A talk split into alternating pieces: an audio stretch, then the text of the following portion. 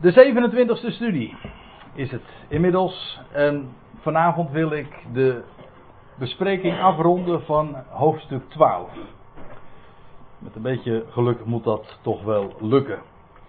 En zodat als we het volgende seizoen weer van start gaan, dan hebben we nog maar één hoofdstuk te gaan in de Hebreeënbrief. En dat is dus Hebreeën hoofdstuk 13.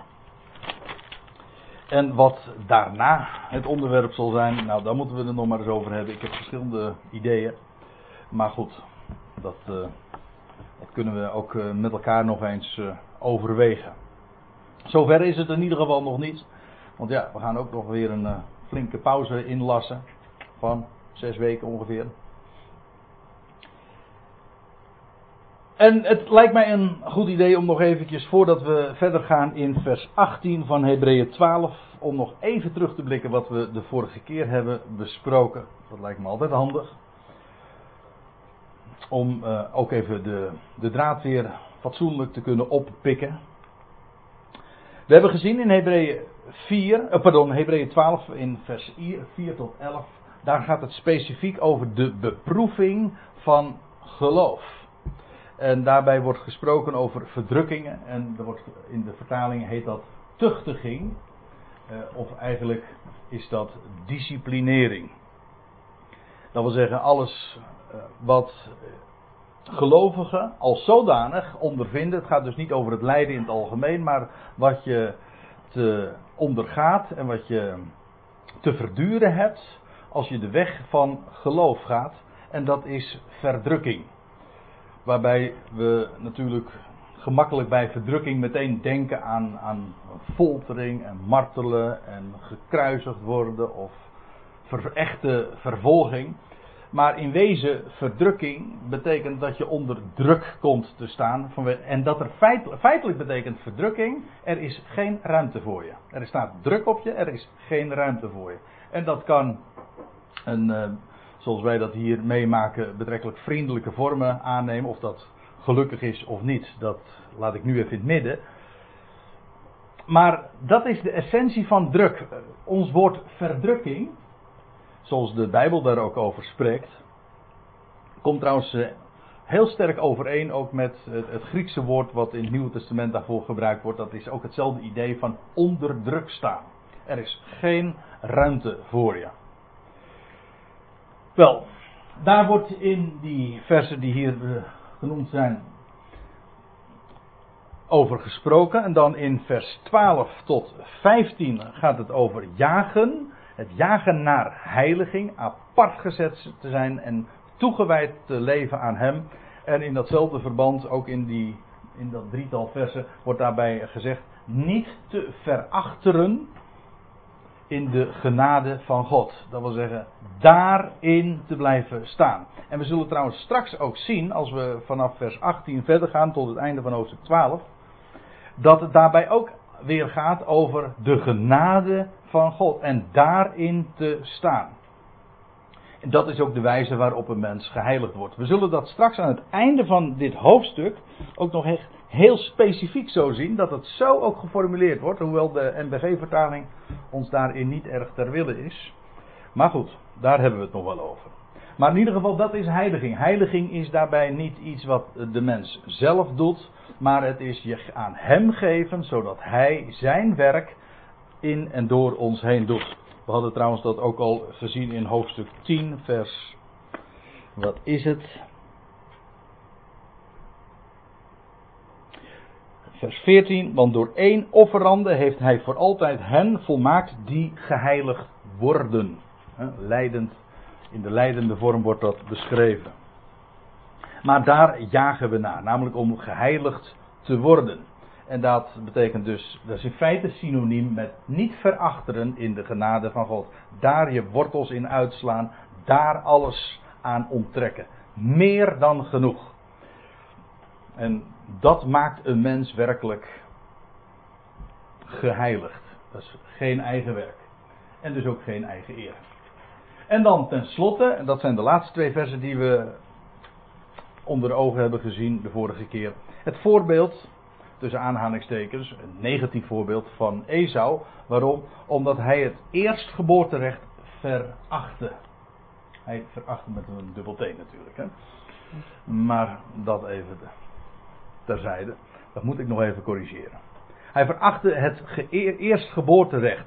Dat wil zeggen, en dat is niet zomaar dat de schrijver dat hier naar voren brengt, omdat het feitelijk een opstap is naar de rest. Naar wat we nu dus gaan bespreken vanaf vers 18. Dat eerstgeboorterecht. En alles wat te maken heeft met die bijzondere voorrechten die God aan de Hebreeën gaf. Als eerstelingen van Israël. Want zo worden ze aangeschreven. Ik, ik, ik heb dat natuurlijk in, deze, in de afgelopen 26 studies uh, al, al vaak naar voren gebracht. Maar ik denk dat het buitengewoon belangrijk is. Deze brief is gericht aan Hebreeën. En dat zij leden van het lichaam van Christus zijn, dat is allemaal tot je dienst. Dat is wel waar. Hoewel ook dat uh, voor sommigen omstreden is. Maar goed, uh, het gaat er niet eens om om dat nu ook te beweren. Het is niet de hoedanigheid waarin zij worden aangeschreven. Elk mens staat in verschillende verhoudingen en relaties. Ik bedoel, er zit hier een echtpaar in de zaal. Die uh, vorige week een, uh, een, weekend kreeg aangeboden. In Maastricht. En dat. Ja, ze zijn nogal gek op André namelijk. André Rieu bedoel ik, ja. En dat. dat hebben zij gekregen. Dat zijn die mensen die dat kregen, dat zijn, waren gelovige mensen. Ik zal de naam niet noemen, want dat vinden mijn schoonouders misschien niet leuk. Maar... Zij kregen dat niet als gelovigen, dat zijn ze wel, maar dat was niet de hoedanig. Ze kregen dat van de kinderen. Dat waren ook voor een deel gelovigen. Maar u begrijpt, het, zij kregen dat als ouders of als schoonouders zo'n cadeau. Dat zij ook gelovigen zijn, dat is waar. En ik, en ik zeg niet dat dat niks te maken heeft met hun, verblijf daar. Natuurlijk, dat heeft zijn consequenties. Maar dat is niet, en dat bedoel ik te zeggen, dat was niet de hoedanigheid waarin dat geschenk gegeven werd. Begrijpt u? Deze brief is geschreven aan Hebreeën. Aan een volk dat ooit, eh, waarmee ooit dat oude verbond was gesloten. Aan het volk dat de zoon van God gekruisigd heeft. Aan dat volk dat uh, op het punt stond haar stad en haar tempel te, kwijt te raken. Uh, het volk dat in de verstrooiing zou gaan. Dat volk. Dat volk waar ook zulke geweldige beloftes voor zijn weggelegd en waar het nieuwe verbond mee gesloten gaat worden. Wel, als zodanig worden zij aangeschreven. Dus dat is het perspectief. En dus dat moet je, de waarheid van het lichaam van Christus moet je daar niet bij betrekken. Dat is een ander onderwerp.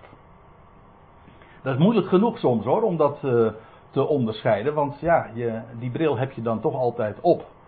Uh, en je bent geneigd om die dingen dan toch gemakkelijk een beetje uh, door elkaar te halen. Ik, ik, herken dat heel erg goed, want ik, ja, ik, inmiddels, ik heb zelf de, de studie natuurlijk, voordat ik het geef, ben ik daar ook mee bezig. En dan is het voortdurend goed je dat te realiseren. De hoedanigheid waar deze mensen in worden aangeschreven, namelijk als Hebreeën. Het opschrift is niet voor niks. En de, de, hele inhoud bevestigt ook inderdaad dat het Hebreeën waren. Maar dat hebben we ooit in het eh, begin al eens een keertje een hele avond zelfs aan gewijd. Het gaat hier over de voorrechten die zij als eerstelingen van Israël ontvangen hadden. Het eerstgeboorterecht. Nou, en dan komen we dus aan in, in mijn Bijbeltje begint er dan ook een nieuwe passage. Hebreeën 12 vers 18. En daar staat in mijn Bijbeltje dan boven grote verantwoordelijkheid. Ik ben het. Uh, ik zeg niet dat uh, dat opschrift nou juist, onjuist is. Het zou niet het opschrift zijn wat ik ervoor gekozen zou hebben. Maar goed. Uh, het is in ieder geval niet geïnspireerd. Laten we daar even op houden. Het begint in elk geval een nieuw gedeelte en dat lijkt me heel terecht. Het is een, ja, het is, in de Hebreeënbrief zit soms wat gecompliceerd als betoog in elkaar. Er zit een lijn in, maar de schrijver ver, veroorlooft zich soms uh, zijwegen en ook weer zijwegen van zijwegen. En dat is deze, dit gedeelte hoofdstuk 12, vers 18 tot 29, is een zijweg van een zijweg. Zodat het ook daarin als lezer soms wel eens je moeilijk gemaakt wordt. om vooral de, de draad van het betoog vast te houden. En uh, ik, vind, ik vind het eigenlijk ook wel heel erg mooi zoals de schrijver dat doet. Want als hij dan een bepaalde naam noemt, dan wijdt hij soms zomaar weer even uit. Om dat ook nog weer even uit te, leggen, eh, uit te lichten en, en, en toe te lichten. En vooral als het gaat om typologie doet hij dat heel sterk. Deze brief staat natuurlijk bol van typologie. Het is een schoolvoorbeeld van wat, wat er allemaal verborgen ligt aan betekenissen in, in wat wij dan het Oude Testament noemen. Enfin, dit is een tussenzin in een tussenzin. En in dit gedeelte worden twee bergen tegenover elkaar gesteld. Namelijk de berg Sinaï en de berg Sion. Dat is trouwens heel opmerkelijk dat dat hier gebeurt. Want we kennen die vergelijking namelijk uit Galaten 4. Daar doet Paulus dit ook.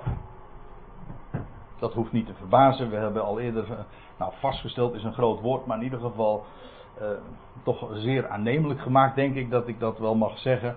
Dat Paulus de schrijver is van deze brief. En dan ligt, deze, ligt dit ook wel voor de hand. Maar ook in dat gedeelte, en daar ga ik nu niet naartoe, maar u moet dat zelf maar eens lezen. Maar daar wordt ook Sinaï geplaatst tegenover het hemelse Jeruzalem en Sion. Die namen worden zo ook genoemd. Waarbij Sinaï en Sion model staan voor enerzijds de wet. Sinaï is de wet. Nou, dat hoef ik niet toe te lichten, lijkt mij. En Sion staat voor de genade. Ik kom daar trouwens uh, nog wel op terug waarom dat uh, nog wel uh, ook diepere betekenissen heeft. Oftewel, ik zou het ook anders kunnen zeggen, de wet representeert dan het oude verbond, waarbij de genade het nieuwe verbond representeert. Maar dat was door de schrijver trouwens ook al vrij uitgebreid betoogd in hoofdstuk 8, de Hebreeënbrief. Daar hebben we het dus ook al uitgebreid over gehad. Het oude verbond, dat was gij zult, gij zult. En dat waren lasten die op de mens gelegd werden. Althans, zo is het ook opgevat. En het nieuwe verbond, dat is geen enkele last. Alleen God doet uitsluitend belofte. Het is allemaal gebaseerd, of de grote belofte van het nieuwe verbond vinden we in Jeremia 31. En als, als Jeremia dan dat nieuwe verbond aankondigt, wat God met het huis, let op, met het huis van Israël en met het huis van Juda zal sluiten. Dat, dat verbond wordt dus met hetzelfde volk gesloten als waarmee het oude verbond gesloten werd. En als dat gesloten zal worden, dan, dan lees je in Jeremia 31, vers 31, 32, 33 dat er geen enkele voorwaarde wordt gesteld. Iedere zeven keer, heel illustratief. Zeven keer wordt er gesproken over ik zal hun zonde geen zins meer gedenken. Ik zal mijn wetten in hun hart schrijven. Ik zal mijn, nou ja, iedere keer, zeven keer, tot zeven keer toe, ik zal.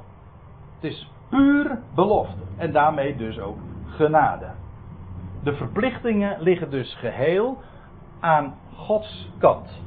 En het is, het is dus geen wederzijds contract in die zin dat aan beide zijden verplichtingen liggen. Nee, de verplichtingen liggen aan één kant. Vandaar ook dat dit een succesvol verbond is. Daar kan niet meer stuk gaan. De garanties geeft God zelf.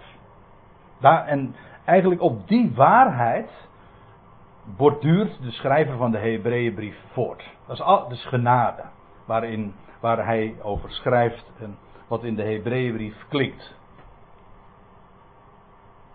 Nou, dat betekent dat we nu uh, inderdaad kunnen beginnen met de bespreking van vers 18. Daar zegt de schrijver dit, want gij of jullie, jullie zijn niet genaderd tot een tastbaar en een brandend vuur. En nu gaat er, dit, je begrijpt al, als dit zo begint, dit, dit luidt een contrast in. Jullie zijn niet genade tot, puntje, puntje, puntje, maar volgde dan waartoe ze dan wel genaderd zijn. Maar laten we eerst eventjes zinsdeel voor zinsdeel bekijken. Gij zijt niet genaderd. Dat, wil, uh, dat woord naderen komen we in de Hebreeënbrief nog wel eens een keertje tegen. In hoofdstuk 4, vers 16, daar wordt, het, uh, daar wordt gesproken over dat wij toegaan tot, maar in het Grieks staat daar gewoon hetzelfde woord. Of naderen, het zou kunnen zijn dat de Statenvertaling het wel concordant weergeeft. Naderen tot de troon der genade. De troon waar genade dus heerst. Genade heerst. Dat is trouwens ook een Paulinische waarheid in Romeinen 6. Genade heerst. Genade zit op de troon. Dat is heel karakteristiek voor ook de tijd waarin we leven. Genade zit op de troon. Nou, laat ons daartoe toegaan. Of laat ons daartoe naderen. Hoofdstuk 7, vers 25. Daar lees je over door hem. Gaat het over hem die door God gesteld is tot koning, priester naar de ordening van Melchizedek. Laten we door hem tot de God gaan. Hoofdstuk 10, vers 22. Toetreden tot, maar dat is dus weer exact hetzelfde woord, naderen tot. Naderen in het heiligdom. Met een waarachtig hart. Nou ja, we hebben het daar toen uiteraard ook over gehad. Inmiddels kunnen we natuurlijk al aardig terugblikken in de Hebreeënbrief. Want ja, al deze hoofdstukken hebben we in de loop van die 26, 27 studies besproken. Uiteraard gaat het daarbij niet om een letterlijk heiligdom hier op aarde, maar over dat waar het heiligdom een type van is. Want dat is wat de schrijver ook voortdurend eh, naar voren brengt. Al die dingen zijn.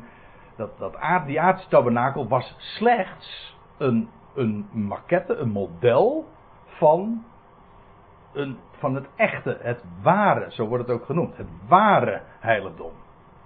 Dat niet met handen gemaakt is. En trouwens ook niet stuk kan gaan. Etcetera. Maar in ieder geval, daar kunnen we toe naderen. In het binnenste heiligdom. Binnen het voorhangsel. Het zijn allemaal waarheden van de, die in de, in de Hebreeënbrief naar voren gebracht worden. Wel, jullie, zegt de schrijver tegen de Hebreeën, let op, tegen jullie zijn niet genaderd tot een tastbaar en brandend vuur. Nou, dan voel je hem al.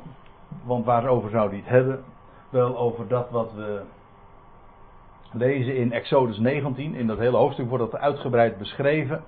Over, vlak vooraf, voordat God de, de tien woorden aan, via Mozes aan Israël geeft. Dat is Exodus 20. Dan lees je dus Exodus 19 toen, uh, het is inmiddels alweer een paar maanden geleden, dat we een, uh, dat weekend in Maren hadden, het Goed Bericht Weekend. En toen hebben we het daar nog uh, vrij uitgebreid ook over gehad. Over die, ook over Sion en, en over, over de Sinaï. Nee, pardon, Sinaï en Sion. Maar toen ook over Exodus 19. Dat God op de derde dag, de Heer daalde op de derde dag neer voor de ogen van het hele volk in eh, hoge mate typologisch, maar het gaat even nu om het contrast. we zijn niet genaderd, zegt de schrijver tegen de Hebreeën, tot een tastbaar en een brandend vuur. Tot donkerheid, duisternis en stormwind. Het zijn allemaal termen die worden gebezigd in Exodus 19. Voordat, dat, voordat God de woorden, zijn wet aan Israël gaf, daar op de berg uh, ging dat gepaard inderdaad met, met brandend vuur. Met echt concreet, letterlijk vuur. ging gepaard met grote duisternis, zware bewolking, uh, stormwind, orkaanwind. Dat is een, uh, een enorm indrukwekkend gebeuren geweest. Nou, ik heb maar voor de goede orde heb ik er een paar schriftverwijzingen ook bij gegeven. Ik, het zou te ver voeren om dat nu allemaal ook op te slaan. Maar dan kunt u dat uh, voor uzelf nog eens teruglezen.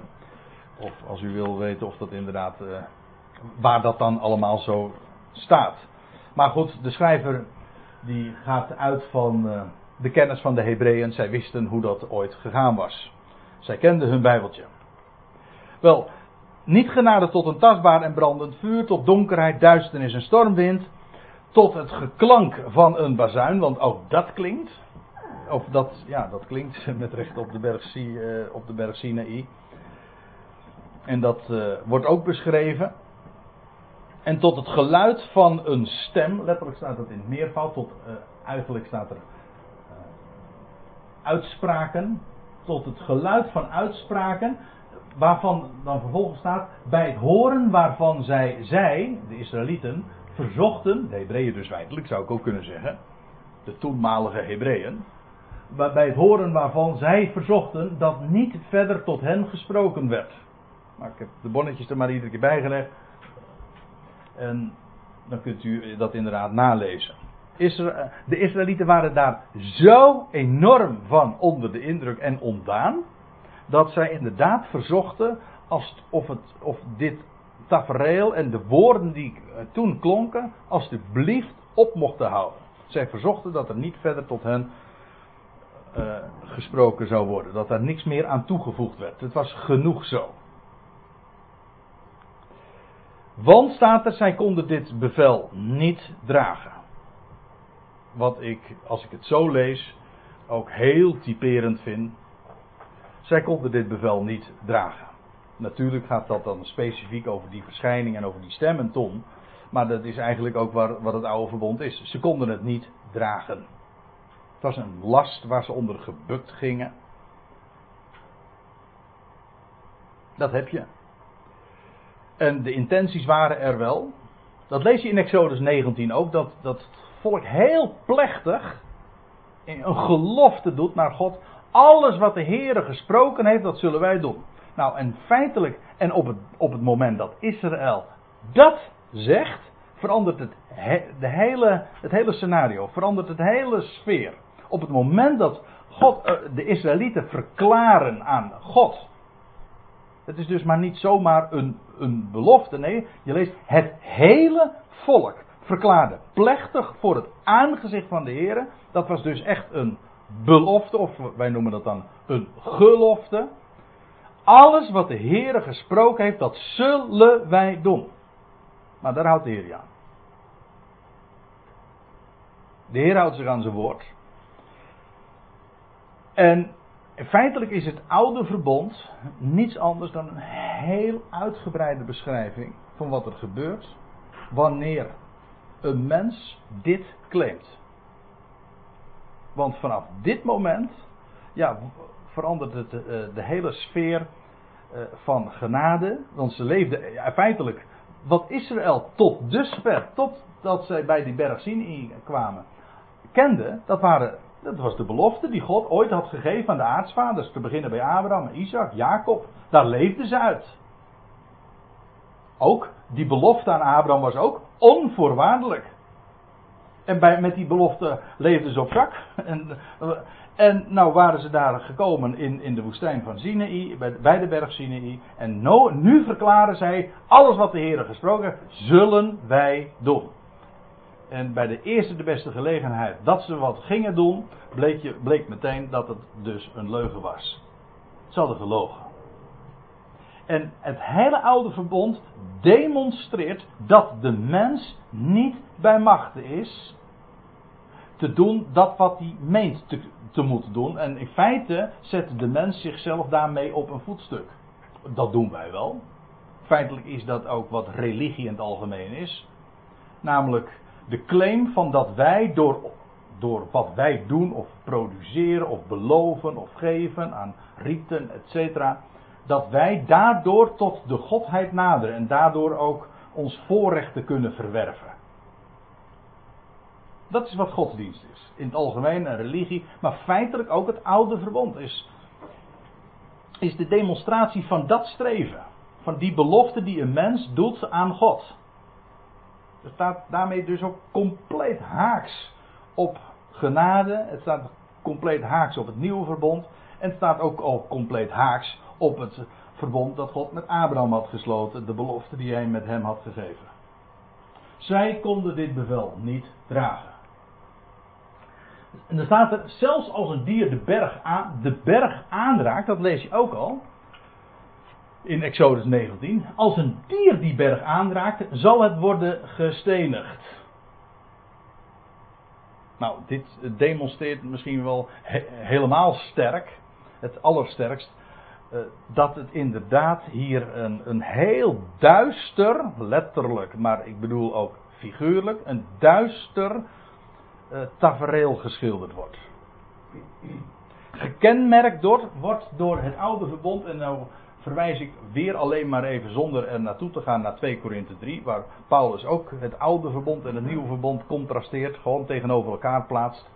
En dan laat hij zien dat het oude verbond staat voor veroordeling en voor dood. En daar staat steniging trouwens ook voor. En er is momenteel nog steeds een godsdienst erg in opmars. Waar dat ook erg populair is. Maar feitelijk zou je kunnen zeggen van het, de islam, als u het mij vraagt. Het is, uh, niet even, het is niet zozeer bijbelstudie. Maar feitelijk is uh, de islam een, een voortzetting, een verminkte of gecorrumpeerde voortzetting van het oude verbond. Waarbij het allemaal gaat om de mens die riten moet uh, vervullen. Maar het is zo duister als maar kan. En ik, die, die hele bediening van het oude verbond, waarbij God op stenen tafelen zijn wet gaf. Ik noem het uh, graag het stenen tijdperk. En die steniging staat daar eigenlijk ook model voor. Namelijk zowel voor veroordeling als voor dood.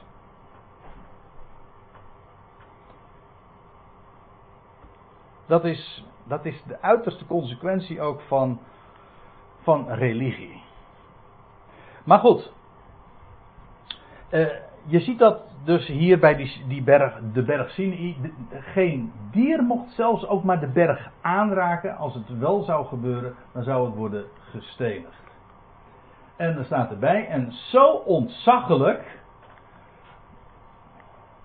Ik ja, kom op dat woord straks uh, trouwens even terug. Was het verschijnsel dat Mozes zeide: Ik ben enkel vrezen en beving. Hij was trouwens vooral bevreesd voor het volk. Dat lees je ook in Exodus 12. Nee, pardon, Exodus 20. Uh, maar dit woord vrezen en beving, dat is wel leuk, als ik daar ook mag wijzen, voor zover uh, deze woorden leuk genoemd kunnen worden. Maar uh, dat woord vrezen, dat is in het, in het Grieks foberon, maar daar is ons woordje fobie van afgeleid. En dan heb je dat woordje beving, dat is een tromos, daar is ons woordje trauma van afgeleid. Dus, nou wil ik niet zeggen dat beide woorden helemaal één op één hetzelfde zijn, maar het is wel veelzeggend de, dat de, deze woorden in het Grieks gebezigd worden. En in het, in het Nederlands kennen wij die woorden, die Griekse woorden nog, namelijk in het woord fobie en in het woordje trauma. Lijkt me in dit verband wel een hele uh, aardige aanwijzing. Het is precies de sfeer die hier getekend wordt. De sfeer rond de berg Sinaï. Vrezen en beving. Maar, oké, nu hebben we dit gezien. Nu in de, deze voorgaande versen van 18, 19, 20, 21 wordt beschreven de berg Sinaï. Symbool van het oude verbond. Symbool van de wet die op de mens gelegd werd. Symbool van veroordeling en dood. Maar, wat had de schrijver gezegd bij, zijn, bij de inleiding, vers 18? Wij zijn daartoe niet genaderd. Waartoe dan wel? Nou, dan komen we in vers 22. Maar, jullie zijn genaderd, jullie Hebreeën, zijn genaderd tot de berg Sion. Ik heb dat woordje de even doorgestreept en misschien is dat wel even meteen een goede aanleiding om uh, meteen deze opmerking te maken in het, dit vers 22 en ook vers 23 en 24 ook nog. Daar komen vrijwel geen bepaalde lidwoorden voor, als ik het even grammaticaal mag zeggen. Het woord de en het ontbreekt. Vrijwel uh, in uh, geheel. Of helemaal, maar in elk geval, uh, het zet ons wat soms op het verkeerde been. Het gaat niet zozeer om de berg Sion, maar het gaat om berg Sion, om het karakter, niet om het om concrete aanwijzing. Een bepaald lidwoord, de, dat, wil dat wijst erop dat het dan wordt er gewezen op iets concreets, hè? iets bepaalds. Maar dat staat er niet, staat er onbepaald. Gij zijt genade tot berg Sion. En uiteraard is dat niet letterlijk. Niet een tastbare. Zo stond het toch?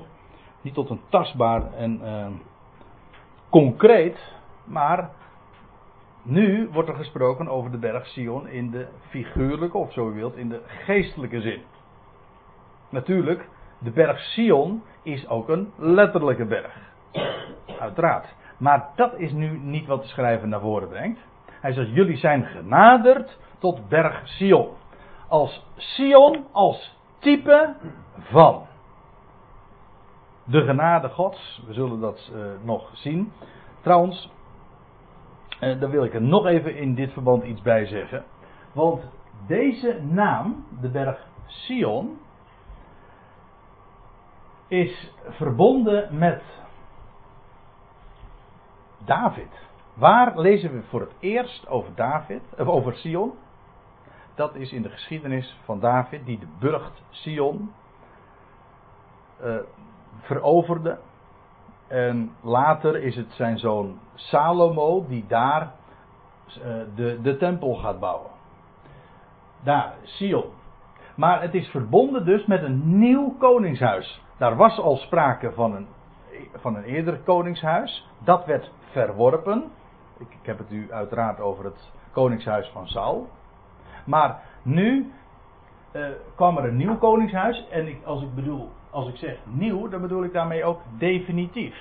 Een blijvend, een blijvend koningshuis. God verbindt zijn belofte aan David. En zijn zaad. En een nieuwe dynastie zal er niet meer komen. Dat is de definitieve dynastie. Dat geldt nu nog steeds. Natuurlijk is de zoon van David uh, vandaag verborgen, maar nee, niettemin, de belofte heeft God gegeven aan David. De stad en ook de berg Sion. Trouwens, Sion is niet alleen een berg, ja, het is een specifieke berg, maar het is ook, je leest ook over het gebergte van Sion in Psalm 133. Over het gebergte van Sion. Dan zijn het dus de, dus de omgeving. En hier is Zion, staat zelfs model voor iets nog veel groter. Voor een geestelijke waarheid, namelijk de waarheid van genade. En dat wat in de hemel is, wat onwankelbaar is, wat niet tastbaar is.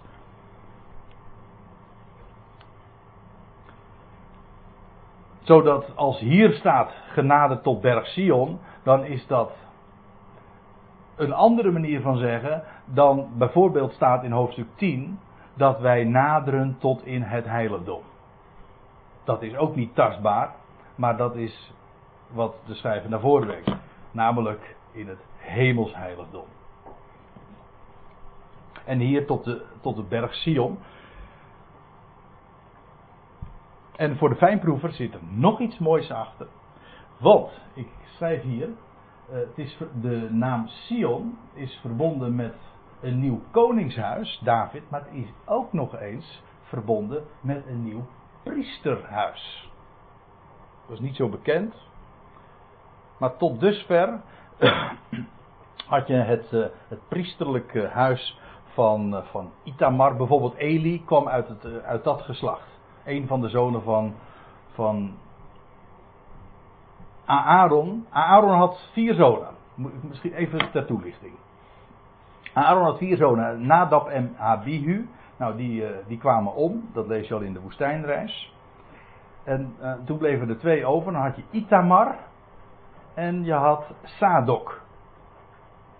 Wel, het priesterlijke huis, de, de hoge priesters, kwamen in aanvang allemaal uit het huis van Itamar, uit, uit de lijn van Itamar. En, en Eli, als ik me niet vergis, en zijn zonen zijn de laatste priesters uit, dat, uit die lijn. En dan komt er een nieuw priesterhuis bij David en zijn zoon. En dat is de priester Sadok. En die komt van de andere zoon van Aaron, namelijk Eleazar. Het is, wat, uh, het is nog uh, wat gedetailleerder dan ik nu zeg, maar hier komt het op neer. Maar waarom zeg ik dit? Ook weer grijp ik hiermee terug op dingen die we al besproken hebben, bijvoorbeeld in hoofdstuk 7, toen we het hadden over Melchizedek, die koning was en priester. Een heel nieuw koningschap, een heel nieuw priesterschap. Wel, dat is wat hier ook aan de hand is. Een nieuw koningshuis, een nieuw priesterlijk huis. En dat is allemaal verbonden met de berg Sion. Dat is dus ook typologisch, eh, sluit dat zo perfect aan. Dus, even samengevat. De berg Sion komt in zicht ten tijde van David. Ten tijde dat er een nieuw priesterlijk huis komt. En dat is een type van hemelse Sion, het echte Sion om zo te zeggen. Dat geïntroduceerd is door de koning-priester naar de ordening van Melchizedek. Ja? Je moet soms even doordenken, maar dan heb je ook wat. Ik had uh, de vorige keer toen had je uh, naderhand naar de studie. Toen had ik met Petra nog over, over deze studies trouwens in het algemeen. En ook een studie als de vorige keer. En dat, toen zei Petra zo van, ja, uh, deze onderwerpen, het is soms erg abstract. Nou, dan, uh, dan, heb, dan val je vanavond helemaal met je neus in de boter, want dit is ook nogal abstract in deze zin, want we hebben het, ik spreek over Zion en over het hemelse Jeruzalem, maar dat is niet een echte, letterlijke stad, het is niet, niet een echte berg, het is abstract. Ja, maar de schrijver en ook de geadresseerden wisten heel goed, die kenden de associaties. Wij hebben moeite, natuurlijk, wij zijn ook geen Hebreeën, dus wij moeten veel meer moeite doen om deze dingen te verstaan en naar waarde te schatten. Dat is inderdaad, de schrijver excuseert zich ook in hoofdstuk 5. Het is vaste spijs. En wat is het kenmerk van vaste spijs? Dan moet je ook kauwen. Dan moet je ook bijten. Dat kost ook wat meer tijd voordat dat verteerd is, ligt ook wel eens zwaar op de maag. Melk, dat gaat er zo, zo in, dat is gewoon pap. Ja, dit is, als je het hebt over typologie en over meer abstracte dingen, zijn schitterend. Maar inderdaad, daar moet je ook uh, rijp, voor, ja, rijp voor zijn. Uh, ja, ook. Ja, dat is wel degelijk het woord. Want een kind uh, neemt melk en een volwassene vaste. Nou wil ik niet zeggen dat als je hier een beetje moeite mee hebt, dat je dus nog niet toe bent voordat ik straks opnieuw een discussie heb met Peter. uh, dat je dus uh, nog niet toe bent aan vaste spijs. Ik zou niet durven en ik zou ook, ook niet, absoluut niet menen. Maar u begrijpt u de, de moeite die dit soms kost. Ja. Hoe kom ik hier nou op? Nou, vanwege die, die berg Sion. Dat is dus niet een tastbare berg. Het gaat hier over een abstractie. Maar let op, als ik zeg een abstractie, bedoel ik, je kunt het niet vastpakken. Zoals een heleboel dingen kun je niet vastpakken. Maar ze zijn buitengewoon waardevol en je zou het niet willen missen. Heb u wel eens liefde in uw handen gehad? Of op de weegschaal gezet? Dat, dat, is, ook een. Liefde is een abstract begrip. Sorry? Oh, jij zet andere dingen op de weegschaal. Wat bedoel je? Ik zei, daarom ben ik zo zwaar. ik word geliefd. ja, oh ja, zeker. Reken maar. Ik wil heel veel een band houden. ja, als we het over een weegschaal hebben, dan hebben we het over iets heel concreets, ja. Maar begrijpt u, het is, uh, een abstractie is niet, uh, dat betekent, je kunt het niet pakken, je kunt het niet voelen, je kunt het niet ruiken, je kunt het niet zien. Nee, maar het, het staat, het representeert iets, het staat voor een, een, soms een, een heel, uh, een heel grote verzameling van allemaal waarden. Dat is hier ook zo. De berg Sion staat voor de nieuwe koning, voor de nieuwe priester, staat voor de genade van God, die de, het oude verbond uh, vervangt door een nieuw, blijvend verbond. Waar Israël straks ook, maar dan praat ik ook concreet, de vruchten van zal plukken. Trouwens, dat deden de Hebreeën toen ook.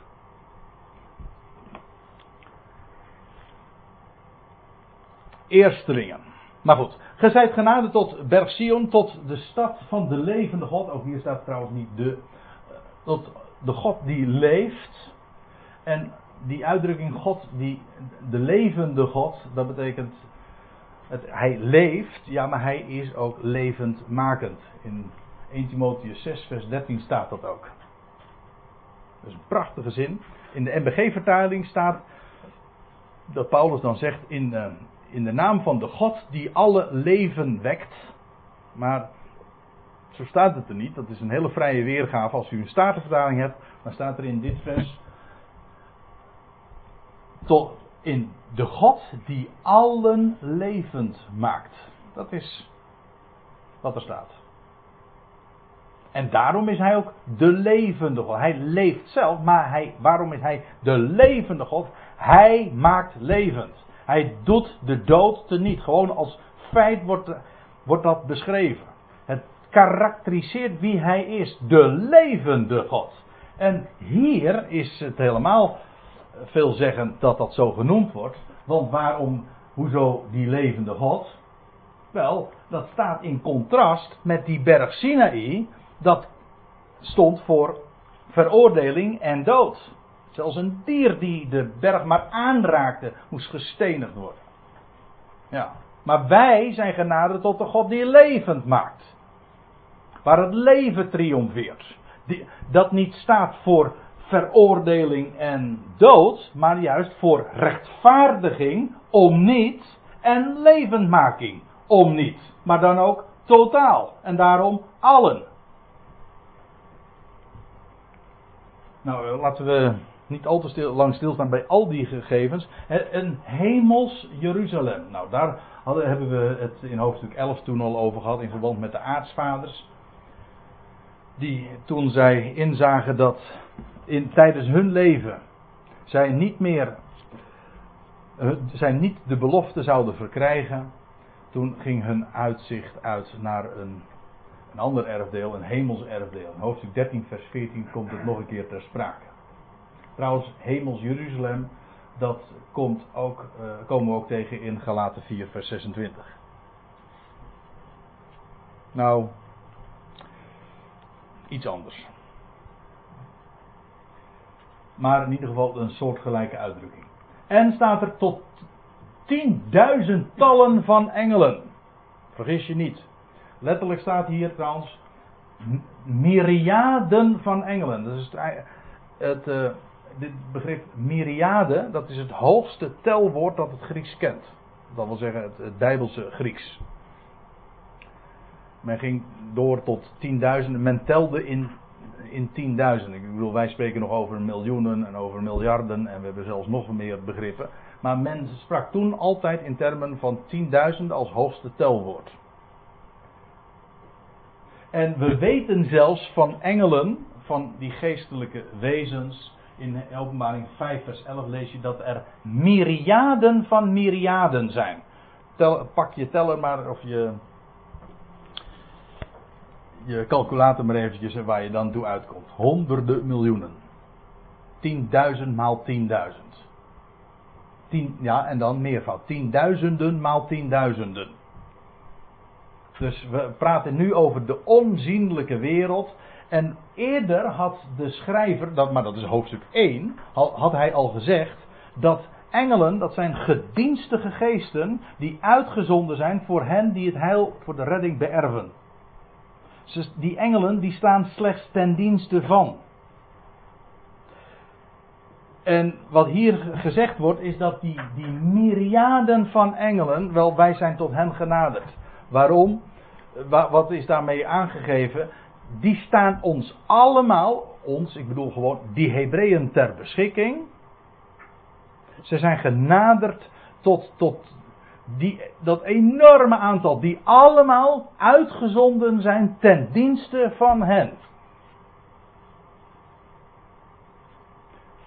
Lees van de Heer Jezus in zijn vernedering hier op aarde al dat hij zegt van ben, eh, ben ik niet bij machten om als ik mijn vader, mijn hemelse vader daartoe bid, dat een myriaden van engelen, of een legioen, ja, zo een legioen van engelen mij ter, terzijde zou staan om mij om mij te helpen. Wel, hier wordt gesproken over myriaden van engelen. En tot een, nou komen we tot een wat lastige uitdrukking. En tot een feestelijke en plechtige vergadering. Letterlijk staat er tot een universele bijeenroeping. En tot een ecclesia van eerstgeborenen. Ook hier ontbreken de bepalende lidwoorden. Ik houd eventjes bij deze, bij deze opsomming. Het gaat hier dus niet over één groep, als u het mij vraagt. Er wordt gesproken niet, niet tot een feestelijke en plechtige vergadering van eerstgeborenen. Nee, tot een universele bijeenroeping. En, u ziet het hier, en, en een ecclesia van eerstgeborenen. Er zijn dus allerlei categorieën. God gaat straks de Israël verzamelen, maar hij gaat ook de volkeren verzamelen. Straks in die toekomende eeuw. Want dat is vooral het, het blikveld van de schrijver en hier in de Hebreeën. Die toekomende aion.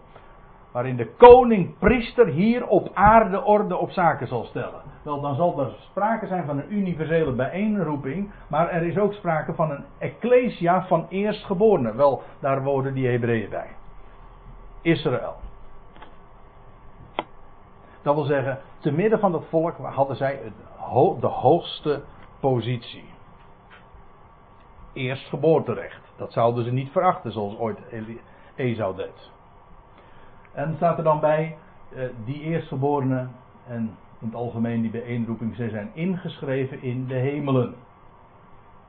En dat in tegenstelling tot een registratie hier op aarde. Ik bedoel, je bent hier op aarde bij van alles en nog wat geregistreerd. Sta je ergens genoteerd, staat je naam. Ja, maar wat zegt dat? Nou ja, het heeft zo zijn waarde, natuurlijk. Maar als het er nou echt op ingaat, hier gaat, hier gaat het over ingeschreven zijn in de hemelen. En, ja, ik, ik, uh, ik zie dat ik, uh, dat uh, een beetje te traag ga, want ik, ik wil bij vers 29 uitkomen. Dus ik, ik zal inderdaad wat sneller moeten gaan. Dus dat ga ik bij deze doen. En staat er, uh, waartoe ook genaderd, tot God, de rechter over allen. Of letterlijk staat er, de richter van allen. In Genesis 18 lees je dat Abraham zegt, zou de rechter der ganse aarde geen recht doen? Een rechter, dat is iemand die recht doet. Die dingen die krom zijn, weer recht maakt. En daarom ook een richter. Wij maken een verschil tussen, tussen die begrippen. Rechters en richters. Maar uh, het is exact hetzelfde woord. Een rechter is iemand die richt. Dingen recht maakt, recht doet, recht zet. Wel, dat is God. En tot, uh, tot geesten van de rechtvaardigen. Nou, daar, over die rechtvaardigen heeft de schrijver een heel hoofdstuk uh, gewijd, in namelijk een hoofdstuk 11. Over Abel en over Noach en over Abraham en over, nou ja, noem ze allemaal maar op. Die geweldige rij van geloofsgetuigen. Al die rechtvaardigen uit het verleden. Voordat het nieuwe verbond aanbrak. Die de voleinding bereikt hebben. Wel, daartoe zijn we uh, genaderd. Hier, dat wil zeggen, in de toekomende eeuw. Hè? Zal dit pas uh, feit zijn. Namelijk als die bijeenroeping ook werkelijk compleet is. Dan zijn, hebben zij de voleinding ook daadwerkelijk bereikt. Ik heb een verwijzing naar 11 vers 40 staan. En daar lezen we nog over. Uh, ja, ik lees het even voor. In vers 39, daar staat er, als Hebreeën 11, vers, 40, uh, vers 39. Ook deze allen, gaat het over al die mensen die, uh, die genoemd zijn in, in Hebreeën 11, die geloofsgetuigen. Ook deze allen, hoewel door geloof een getuigenis aan hen gegeven is, hebben het beloofde niet verkregen. Daar God iets beters met ons voor had, zodat zij, zij, die rechtvaardigen dus, niet zonder ons tot de volmaaktheid konden komen. Dus exact hetzelfde woord. Ja, hier staat het dan volmaaktheid, maar, of voleinding. Maar dat is het. Het gaat hier over de, over de rechtvaar, over de komende aion. Als alles compleet is en zij ook de voleinding daarin bereikt hebben. En staat er dan nog bij, we zijn ook genade tot Jezus, middelaar van een nieuw verbond. Grappig, maar er staat hier eigenlijk niet het woordje nieuw verbond. Zoals bijvoorbeeld daarvan sprake is in hoofdstuk 8, vers 8, 13, en hoofdstuk 9, vers 15. Dan wordt er echt gesproken over een nieuw verbond. Nieuw staat tegenover oud. Hier wordt een ander woord gebruikt, namelijk dat betekent fris, jong. Dat is iets anders. Het is een beetje lastig in het Nederlands, maar het Grieks maakt, heeft daar twee verschillende begrippen voor. Een jong, een nieuw, een fris, een recent verbod. En zegt de schrijver daar nog tot bloed van besprenging. Het gaat hier over het geslachte lam. Denk ook even nog aan hoofdstuk 10, vers 20. Daar lezen we. We zijn er toen wat uitgebreider op ingegaan. Ik wil er alleen nog even aan herinneren in dit verband. Daar wordt er gesproken over het pasgeslachte. En de, over de pasgeslachte en levende weg. Schitterende uitdrukking die aangeeft dat het gaat over hem die stierf. Wat zeg ik? Geslacht werd. Recentelijk. En vervolgens opstond uit de dood. En vandaar is hij die weg geïntroduceerd met bloed, maar het is een levende weg. Het bloed spreekt dus van hem die geslacht is, maar die nu staat. Staat als geslacht. En dus gestorven, wat meer is, opgewekt. Wel, die Hebreeën zijn genade tot al deze geweldige feiten. En we hebben er nu inmiddels een hele rits van gezien. En dan staat er nog bij dat bloed van de besprenging dat krachtiger spreekt dan Abel. En over Abel hebben we het natuurlijk al eerder gehad. Maar waarom spreekt dat krachtiger dan Abel? Uh, wel van uh, het bloed van Abel lezen we inderdaad dat riep. Toen Kain zijn broer had vermoord, dan lees je dat uh, God Kain aanspreekt en hij zegt: Zie het bloed van uw broer roept van de aardbodem.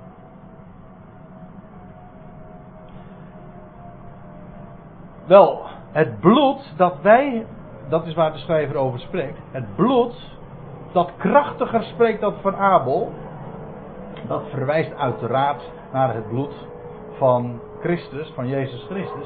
Maar let even op, dat is niet zomaar, want er zitten schitterende parallellen in. Want kijk, Abel, hij werd vermoord door Kain. Waarom? Omdat Kain eigendunkelijke godsdienst had. Hij kwam met de vruchten van de aarde. Abel daarentegen, die kwam met bloed, met een bloedig offer. Kain, die, eh, die werd juist vanwege dat offer van Abel, werd hij boos. Werd hij vertorend en vermoorde daarom zijn broer. En zodat Kain feitelijk daarmee een type is, ook van het Jodendom, dat haar broederde naar het vlees vermoorden vanwege hun eigen dunkelijke godsdienst. Er komt trouwens nog bij dat eh, van Kain lees je dat het vervolgens een zwerver op aarde werd. En weet je wat God dan nog zegt? Prachtig. God zegt van Kain, pardon, ja, nee, ik zeg goed. God zegt van Kain, niemand zal Kain wat kunnen aandoen. En Kain wordt onder goddelijke bewaring gesteld. Hij wordt een zwerver op aarde, maar goddelijk bewaard. Kijk, ik vind dat ook een schitterend type van, van ja, de lotgevallen van het Jodendom. Dat de Zoon van God gekruisigd heeft, vermoord heeft, jawel. Maar vervolgens ook verstrooid wordt onder de volkeren der aarde. Maar niettemin goddelijke bescherming geniet. God heeft nog belofte voor dat volk. En hij bewaart het. Terwijl het rondzwerft op de aarde. Zodat. En nou ga ik even samenvatten. Wij zijn, wordt er door de schrijver gezegd tot de Hebreeën, genaderd tot. En ik ga tien dingen noemen. U kunt ze zo in een, lij, in een rijtje terugvinden. Ik, precies ook in de volgorde waarin we ze nu hebben gezien in deze versen. Vers 18 tot 24. Genade tot de berg Sion. De stad van de levende God. Een hemels Jeruzalem. U ziet trouwens wel dat het hier niet allemaal over verschillende dingen per se hoeft te gaan. Het kan ook gewoon verschillende namen zijn voor een en hetzelfde. Maar in ieder geval, dit is zoals het beschreven wordt. Tot de berg Sion, stad van de levende God, hemels Jeruzalem, myriaden van engelen. Een universele bijeenroeping. Een ecclesia van eerstgeborenen. Tot God is natuurlijk het middelpunt. Op de zevende. God, richter van allen. Tot de geesten van de rechtvaardigen, die nu nog steeds geesten zijn, maar straks een nieuw lichaam zullen ontvangen. En tot Jezus, die een middelaar is van een vers verbond. En, dat is het laatste wat we nu gezien hebben, tot bloed dat beter spreekt dan van Abel. Zoveel krachtiger spreekt. Niet van vergelding, maar van genade. Wel, tien stuks. Niet voor niks natuurlijk. Maar daartoe zijn die Hebreeën genaderd. En dan pakken we straks de draad op bij vers 25. Maar ik stel voor dat we nu eerst even een kopje koffie gaan drinken.